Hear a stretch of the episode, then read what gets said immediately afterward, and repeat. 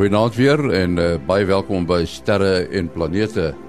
Ons het vanaand vir Willie Koorts en Dr. Japie van Sail by ons. Ons gaan luister na ruimte weer nuus en dan is daar natuurlik ook ruimte nuus wat elke week geskryf word deur Herman Turin in Bloemfontein.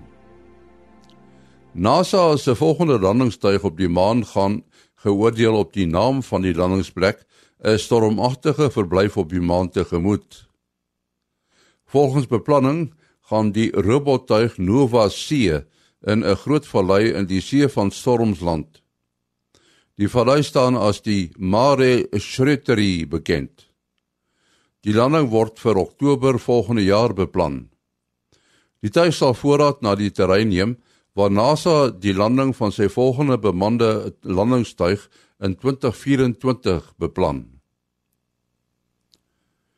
Die grootste supernova wat nog ooit deur die mens gesien sou kon word, het 3,6 miljard jaar gelede in 'n veraf galaksie plaasgevind. Dit is in 2019 vanaf Hawaii waargeneem. Dit was so helder dat die navorsers meen dit moes meer as een hemelliggaam gewees het wat saamgespan het om die reuse lig- en gasontploffing te kon veroorsaak het. Dit word bereken dat die supernova se massa tussen 50 en 100 keer soveel as ons son se was. Tot sover dan ruimte nuus wat geskryf word deur Herman Turin in Bloemfontein. Nou Kobus Olkers en ruimte weer nuus. Goeienaand en goeienaand luisteraars. Ja, hier sit ons nou uh met nog steeds 'n son wat diep in die minimum is. Die sonvleknommer is weer absoluut 0. As die enkele sonvlek te bespeer op die kant van die son wat ons kan sien nie. Al wat ons te sien het hierdie week is 'n is 'n paar koronagaatjies. Die een van hulle het reeds teen donderdag se koers geo-effektief geraak en hy is nog met ons.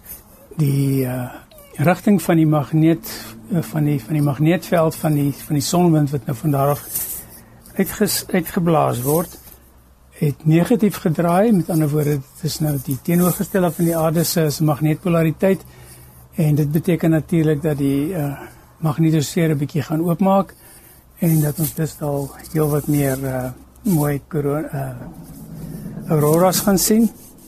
En daar ver in die noordelike gedeeltes en ook in die suidelike gedeeltes. Uh, ons het ook 'n kans dat die agtergrond 'n bietjie raserig gaan wees vir ons langafstand kommunikators. Dit lyk vir my daar's nog eenetjie in die noordelike halfrond van die son wat uh, gaan indraai uh so teen môreoggend se koers, môre middag op die laaste. En hy lyk daarom o, gits nie. Hy is ook negatief. Uh as ek nou so nou kyk op die oomblik. So ons kan nie verwag dat hierdie kondisies gaan voortduur tot ten minste donderdag of vrydag toe. Uh daar is egter geen geen kans dat daar probleme gaan wees met uh, uh satellietstelsels of met uh enige ander navigasiestelsels of so iets nie geen probleme vir die internet of vir die krag nie. Dit is nou maar net ons uh mense wat langafstand radio probeer praat wat uh, die probleem gaan optel en natuurlik gaan dit 'n 'n pragtige week wees vir die mense bo in die verre noorde en suide wat auroras aan betref. En as ek nou so mooi kyk, dan kan ek maar net sê geniet die week almal en groete tot volgende week. Ek hoop uh, ons sien mekaar weer binnekort. Mooi bly en totsiens.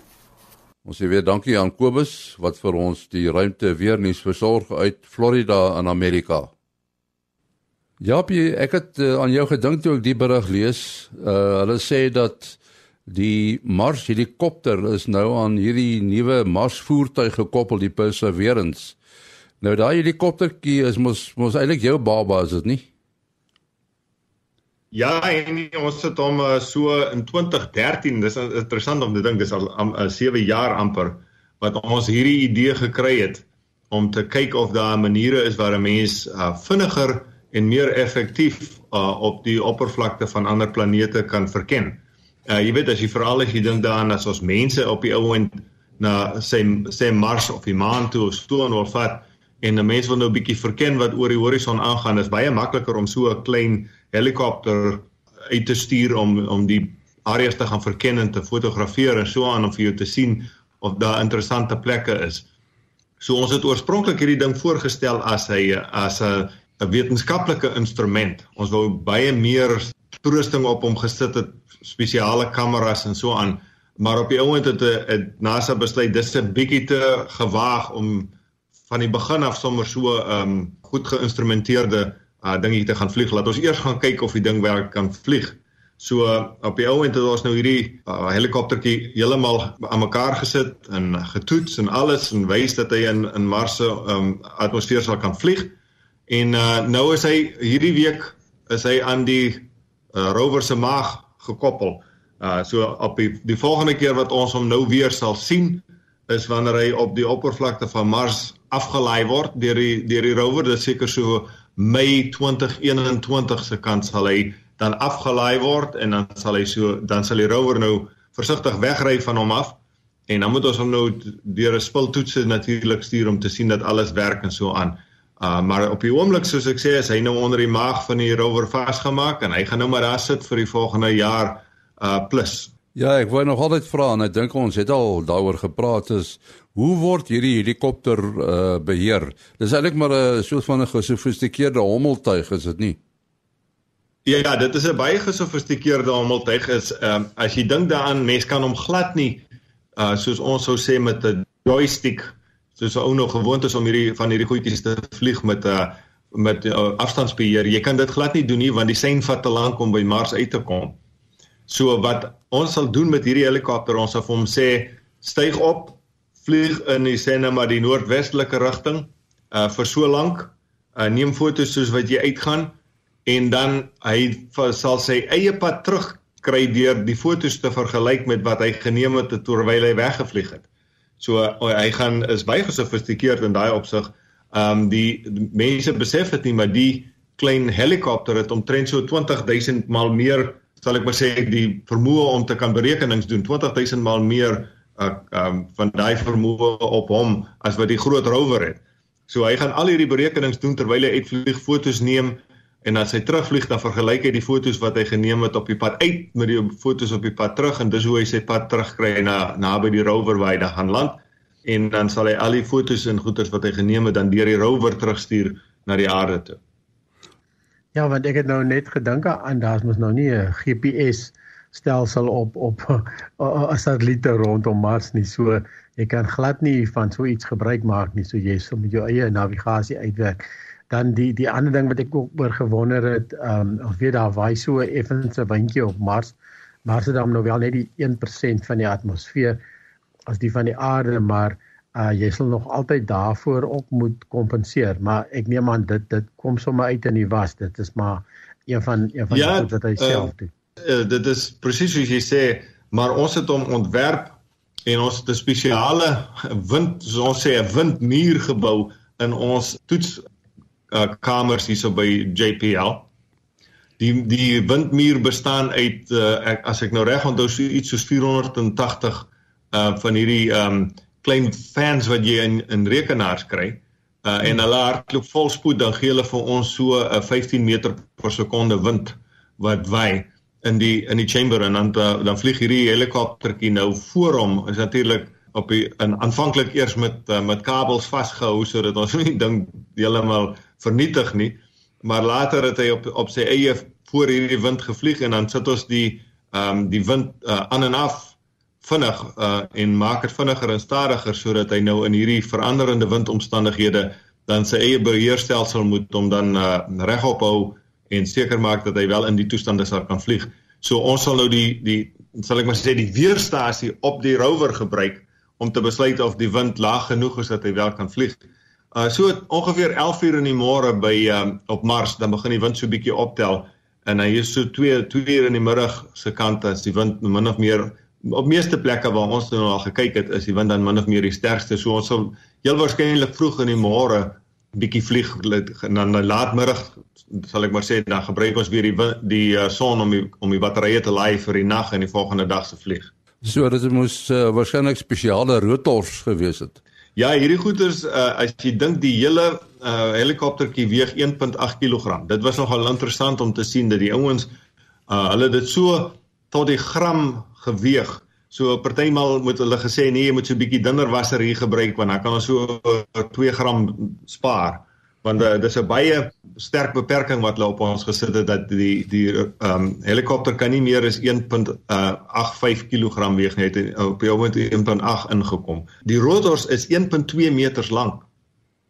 So hulle is ongelooflike uh, uh, lang uh, rotors wat dan baie vinnig moet spin as gevolg van die feit dat ons in hierdie ehm um, digtheid atmosfeer moet vlieg. So hulle hulle spin so teen as ek reg onthou 2400 um, revolusies per minuut uh wat die goeters draai en dan uh en soos ek sê hulle is 1.2 meter uh in deursnit. So dit is so 'n groot groot storie. Hy's natuurlik nou heeltemal opgevou. Hulle moes nog spesiaal ons moes die ding spesiaal ontwerp het sodat ons die goeters kan opvou uh onder die uh in in 'n soort van 'n tas waarin hy nou gedra word onder aan die in die maag van die rover wanneer hy dan um afgehaal word op die ouend uh, deur 'n arm onder die rover dan sal hy um die rotor sal dan oopmaak en dan sal hy onder die onder die um rover homself staan voordat die rover nou wegry. Wat die uh een van die opskrifte van 'n artikel wat ek gelees het sê dat wetenskaplikes nou die uh die grootste supernova wat ooit gesien is raakgeloop. Verduidelik dit eers presies wat is 'n supernova en in hierdie ene wat nou so groot is, hoe het hulle op hom afgekom? Daar's 'n 'n paar maniere hoe 'n ster op sy einde van sy lewensyd kan kom en die die mees dramatiese een is natuurlik net deur 'n supernova ontploffing. As jy daaraan dink dat eh, terwyl 'n ster brand, nou 'n ster kan jy dan beskou amper as 'n atoombom, né? Nee? Waterstofbom is maar presies dieselfde ding as as die proses wat in die son of in 'n ster aan die gang is. So jy het hierdie hierdie hierdie ontploffing wat dan deur deur sy eie swaartekrag bymekaar gehou word. So daar's 'n daar's 'n krag uitwaarts wat die wat die ster wil wil opblaas en dan is daar 'n inwaartse krag wat die wat die swaartekrag is. En die twee is in balans vir die grootste leeftyd van die van die ster. En ehm um, so ons son is presies in daai stadium en ons son is so, so 5 miljard jaar oud en en dit nog so omtrent 5 miljard jaar om te lewe. En en uh ons praat van die main sequence en dit is gewoonlik die tyd per wat, wat 'n ster die meeste van sy tyd spandeer. Um en uh, en dan in die geval in ons son en die meeste ander sterre is waterstof besig om omgesit te word na helium wat dan vir jou hierdie noem dit maar ontploffing gee. Nou as jy na die einde van die lewe kom van die ster um uh, die eh, mense dink nou mense praat van 'n supernova ontploffing, maar dis interessant die die ontploffing word eers vooraf gegaan deur 'n inploffing. So die eerste ding wat gebeur is die energie raak op en die ster hou op met sy noem dit maar ontploffing en en tuimel op homself in mekaar. En die in mekaar uh tuimel proses dit dit ehm um, dit dit gaan eintlik baie vinnig in in enigiets in die in die in die heelal vat jare en miljoene jare om te gebeur en hierdie gebeur letterlik binne binne minute. Um wanneer so 'n ster sal in mekaar tuimel en en dan het jy hierdie geweldige in Engels praat hulle van 'n rebound. En ek het al voorheen verduidelik, dit kan jy nou lekker doen terwyl jy nou by die huis sit en niks anders het om te doen nie. Vat 'n lekker groot basketbal of netbal tipe bal en 'n en 'n en 'n en 'n tennisbal en sit die twee op mekaar, hou hulle so op op jou op armlengte en laat val die twee balle gelyktydig. En jy kan nie glo hoe daai groot bal as die as die twee balle val mos nog gelyk saam en en as en maar die die netbal tref eers die grond en dan moet jy skien waar in die lug op skiet hy daardie tennisbal. Hy sal hom 10 teen 1 oor jou virusse se se heining skiet as jy nie pas op nie. So en dit is daai selfde effek, hierdie rebound effek. En dit is dan wanneer wanneer 'n ster ontplof en en dan uh, supernova gaan. Ja, so op die 22ste Februarie interessant genoeg, dit is ook Februarie want ehm um, ons het al 'n paar keer gepraat van supernova 1987A wat ook in Februarie in 1987 afgegaan het en dit was destyds die naaste supernova. Hierdie een is dan deur die Pan, Pan Stars Observatory ontdek in in Hawaii. Alles is net groter en amper dubbel uh, uh aan aan hierdie uh, supernova as wat daar in vorige uh, supernovae was. So tipies dan wat wat jy dan waarneem van die aarde af is is dat dat skielik en dis ook waar die waar die woord noue vandaan kom. Dit is dit dit, dit beteken nuwe of nuwe ster. So die mense het gepraat van nuwe sterre wat verskyn en as jy dan 'n baie helder nuwe ster dan sit 'n supernova. En en uh um en en so skielik lyk dit dat waar daar voorheen niks was nie, is daar skielik 'n ster en en hy's helder en en in hierdie geval die die supernova het helderder uh, geskyn as die hele galaksie waarin hy waarin hy on, waarin hy was of is nog steeds. So jy praat van ongelooflike hoeveelhede energie wat hierso vrygestel word. En dan die ander ding is um so 'n supernova sal dan helder bly vir vir 'n paar maande en dan geleidelik dowwer en dowwer word en dan uiteindelik heeltemal verdwyn want dit is da, dan die ster het eintlik aan die einde van sy lewensyd gekom uit homself eintlik uitmekaar uitgeskiet. En en selfs die tempo waarteen die um supernova verdof is ook min of meer die helfte van van die spoed waar waar teen gewone supernovae verdop. Japie, die volgende vraag is vir jou. Dis uh dit raak so 'n bietjie aan lansering. Ek sien dat Virgin Orbit uh is nou besig met 'n nuwe projek en dit is 'n uh, veranderde 747 Boeing uh wat uh gevlieg het toetsvlug onderneem om 'n vuurpyl na die ruimte af te vuur. Met ander woorde, hulle vuur hom van die vliegtuig af verder op na die ruimte toe. Is dit 'n stelsel wat goed behoort te werk? Uh ja, en dit is interessant. Uh, hulle uh, is eintlik besig om 'n uh, ding te herhaal wat uh, sogenaamde Orbital Sciences Corporation OSC het hulle het al baie jare hierdie lanseermetode. Hulle hulle vuurpyle word uh, die Pegasus genoem.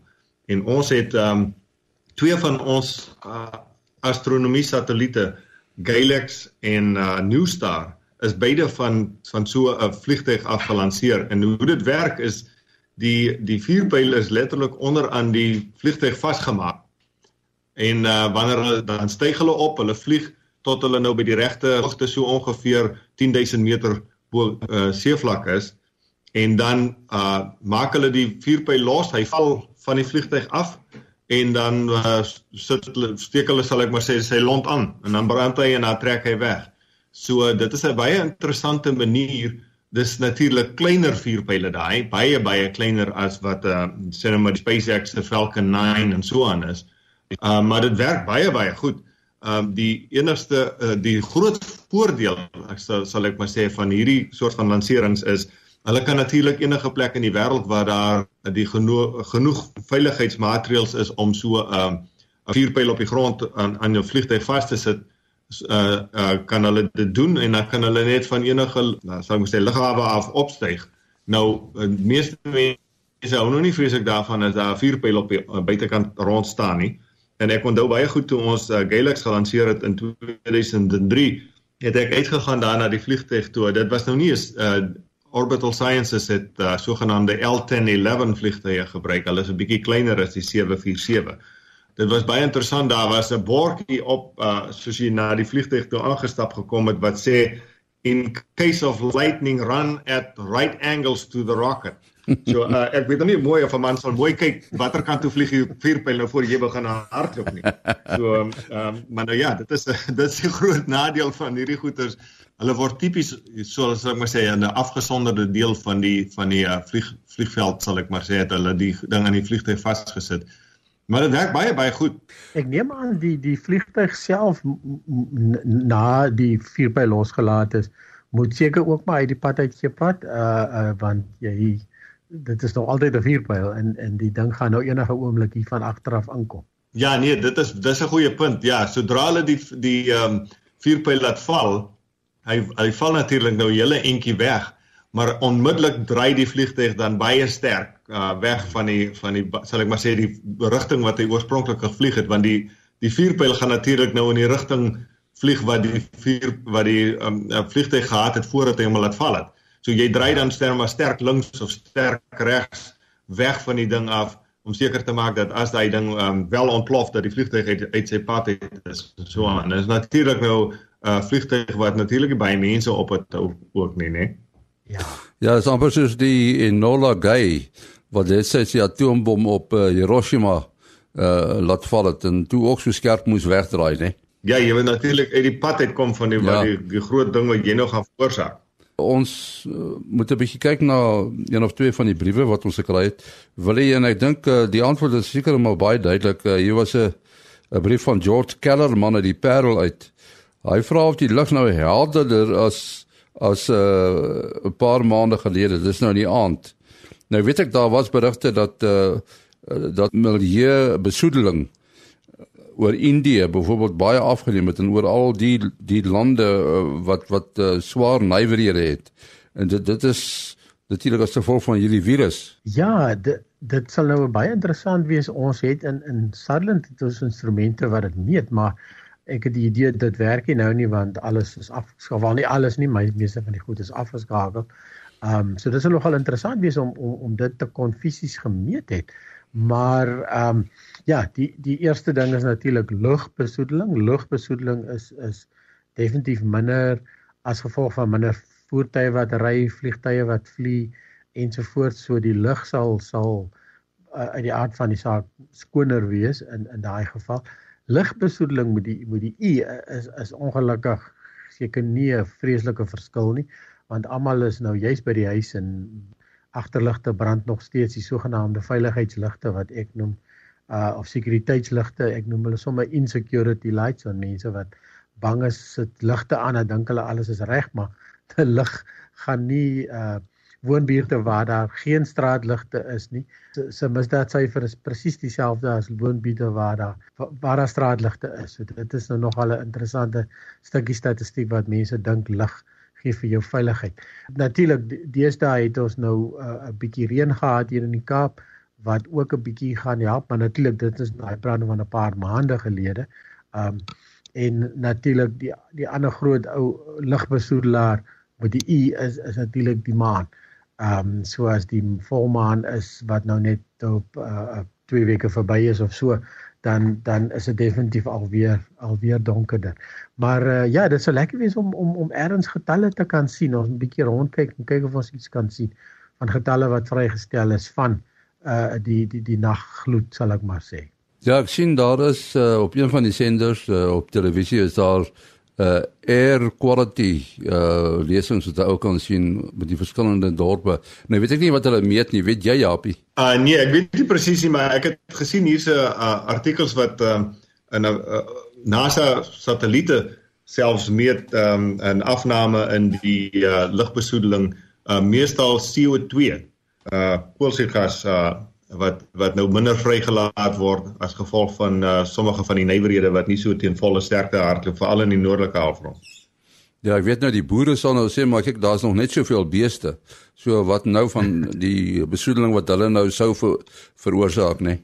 nee, dit sal nou interessant wees as ons nou 'n bietjie dit dit kan sien hoe hoeveel die mense nou werklik bydra. Net net vanaand uh, Japie, jy het nou nogal te doen gehad met uh met die ding en dit dit gaan oor of jy het eintlik daarvan gepraat al die mynbedrywighede op op die maan en asteroïdes. Donald Trump het nou 'n sogenaamde executive order geteken wat nou dit toelaat. Maar kan hy so iets doen want ek bedoel is dit nie soort van internasionale gebied daar in die, die maan byvoorbeeld. Uh jong, dis 'n interessante ding hier nie. Ehm um, ek weet nie of die luisteraars weet nie, maar in 1967 is um, daar 'n uh, sogenaamde Space Treaty uh wat begin is deur Amerika en Rusland op daai stadium die en die um, in Brittanje. En die Space Treaty oorspronklik het het gesê en en soos hulle in Engels uitdruk, die uh, exploration and use of space should be for the benefit of all mankind.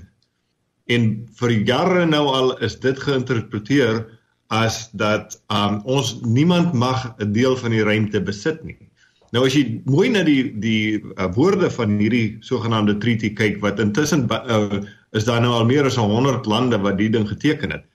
Uh maar as jy mooi na die woorde kyk dan sê hulle geen nasionale instansie mag enige deel van die ruimte vir hulle self toeëien nie dit was nog altyd 'n uh, soort van vaag oor wat individue kan doen. En wat Trump nou gedoen het is hy het geteken dat individuele maatskappye en persone mag die ruimte benut die vir vir myne en so aan. En dit natuurlik nou dadelik um, van Rusland af was daar 'n 'n protes omtrent dis dit uh, gesê dit is nie in die in die gees van die oorspronklike treaty wat hulle geteken het nie maar dit was nou al baie jare wat mense bespiegel het wat beteken dit nou vir in individuele maatskappye um, wat graag hierdie um, asteroïdes en so aan wil gaan benut? Uh, en, en aangesien die treaty um, dit nie uh, spesifiek uitspel nie het uh, het mense altyd aangeneem dat individuele maatskappye mag dit wel doen maar niemand het dit eintlik toegeëien nie. So daar is 'n sogenaamde maan treaty wat die ehm um, Verenigde Volke ook probeer uh, sit dit maar die uh, Amerika het dit nie geteken nie. So op die maan uh volgens daai maan treaty mag jy nou nie eintlik die maan benut vir jou eie gebruik nie. Alhoewel daar was 'n um, 'n interessante soort van 'n grappige storie 'n paar jaar gelede waar uh, ou in Brittanje blykbaar homself die koning van die maan uh, verklaar het want hy het op een of ander manier 'n uh, ou ou ou stuk uh toerusting wat op die maan agtergelos is. Ek kan nie eens meer onthou deur wie nie, het hy op um, op een of ander veiling gekoop. En aangesien hy 'n in, in, in individu is en nie 'n land is nie, het hy homself koning van die maan verklaar want hy besit iets wat op die maan is. Nou ja, dit uh, dit is 'n uh, wys jou net hoe mense al baie jare oor hierdie ding bespiegel, maar dit is wat Trump nou eintlik gedoen het. Hy het nou uh gesê die dat Amerika uh sal sy uh, maatskappye toelaat om die plekke te gaan myn as hulle dit wil gaan uh, as hulle die die uh sou ek maar sê die beleggings wil maak om hierdie goeder te gaan doen. Uh is natuurlik nog 'n oop vraag. Wat wat internasionaal hoe gaan ons dit wel be, behandel? Want uh as jy terugdink in die ou geskiedenis dit was maar altyd die mense wat prospekteerwerk gedoen het wat die sal ek maar sê die goud ontdek het en dan dat daar goudstormloop gebeur. het Uh dit is 'n basies uh, die sal ek maar sê die 21ste eeu se se ekwivalent van 'n goudstormloop wat wat wat hy nou dalk hier kan um afsit met hierdie executive order wat hy nou uitgereik het. Ja, is interessant. Ons moet afsluit. Uh, wil jy jou besonderhede? Ja, mense kan bel WhatsApp SMS 0724579208.